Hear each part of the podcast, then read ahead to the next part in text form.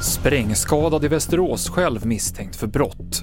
Covid-lättnader för britter och gympalektionerna är inte jämställda, menar forskare. Det är rubrikerna i TV4-nyheterna. Ja, en man i 40-årsåldern skadades i samband med en explosion i en lägenhet i Västerås i natt. Han misstänks själv ha orsakat explosionen och är anhållen misstänkt för allmänfarlig ödeläggelse. Men hans skador är väldigt svåra, han hålls nedsövd och har inte kunnat förhöras, det säger åklagaren.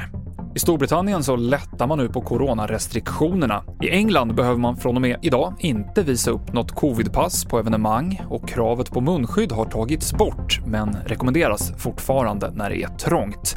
I Sverige kan restriktionerna börja avvecklas den 9 februari, sa regeringen och FHM igår. Och mer om coronaläget här blir det på myndigheternas pressträff klockan 14 idag. Den sänder vi direkt på tv4.se. Killar gynnas på skolgympan enligt en ny studie. Enligt läroplanen så ska skolan främja pojkars och flickors lika rätt och möjligheter när det gäller idrott och hälsa.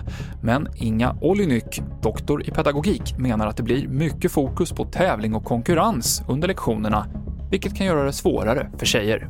Jag skulle väl säga att eh, lärare måste reflektera över vilket innehåll de väljer i sin undervisning och hur de organiserar sin undervisning. Där just tävling och konkurrens ska motarbetas i bästa fall för att kunna eh, gå mot en mer jämställd undervisning. Och det handlar inte om eh, mell, eh, skillnaden mellan pojkar och flickor som grupper, utan det är även skillnader inom gruppen pojkar och flickor.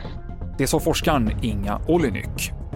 Och Neil Young har tagit bort sin musik från Spotify. Anledningen är att han anser att Spotify sprider desinformation om covidvaccin via poddaren Joe Rogan.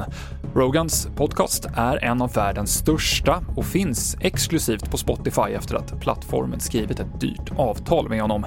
Många forskare har också ifrågasatt Rogans podd när det gäller coronadesinformation. Fler nyheter hittar du i vår app TV4 Nyheterna. I studion Mikael Klintevall.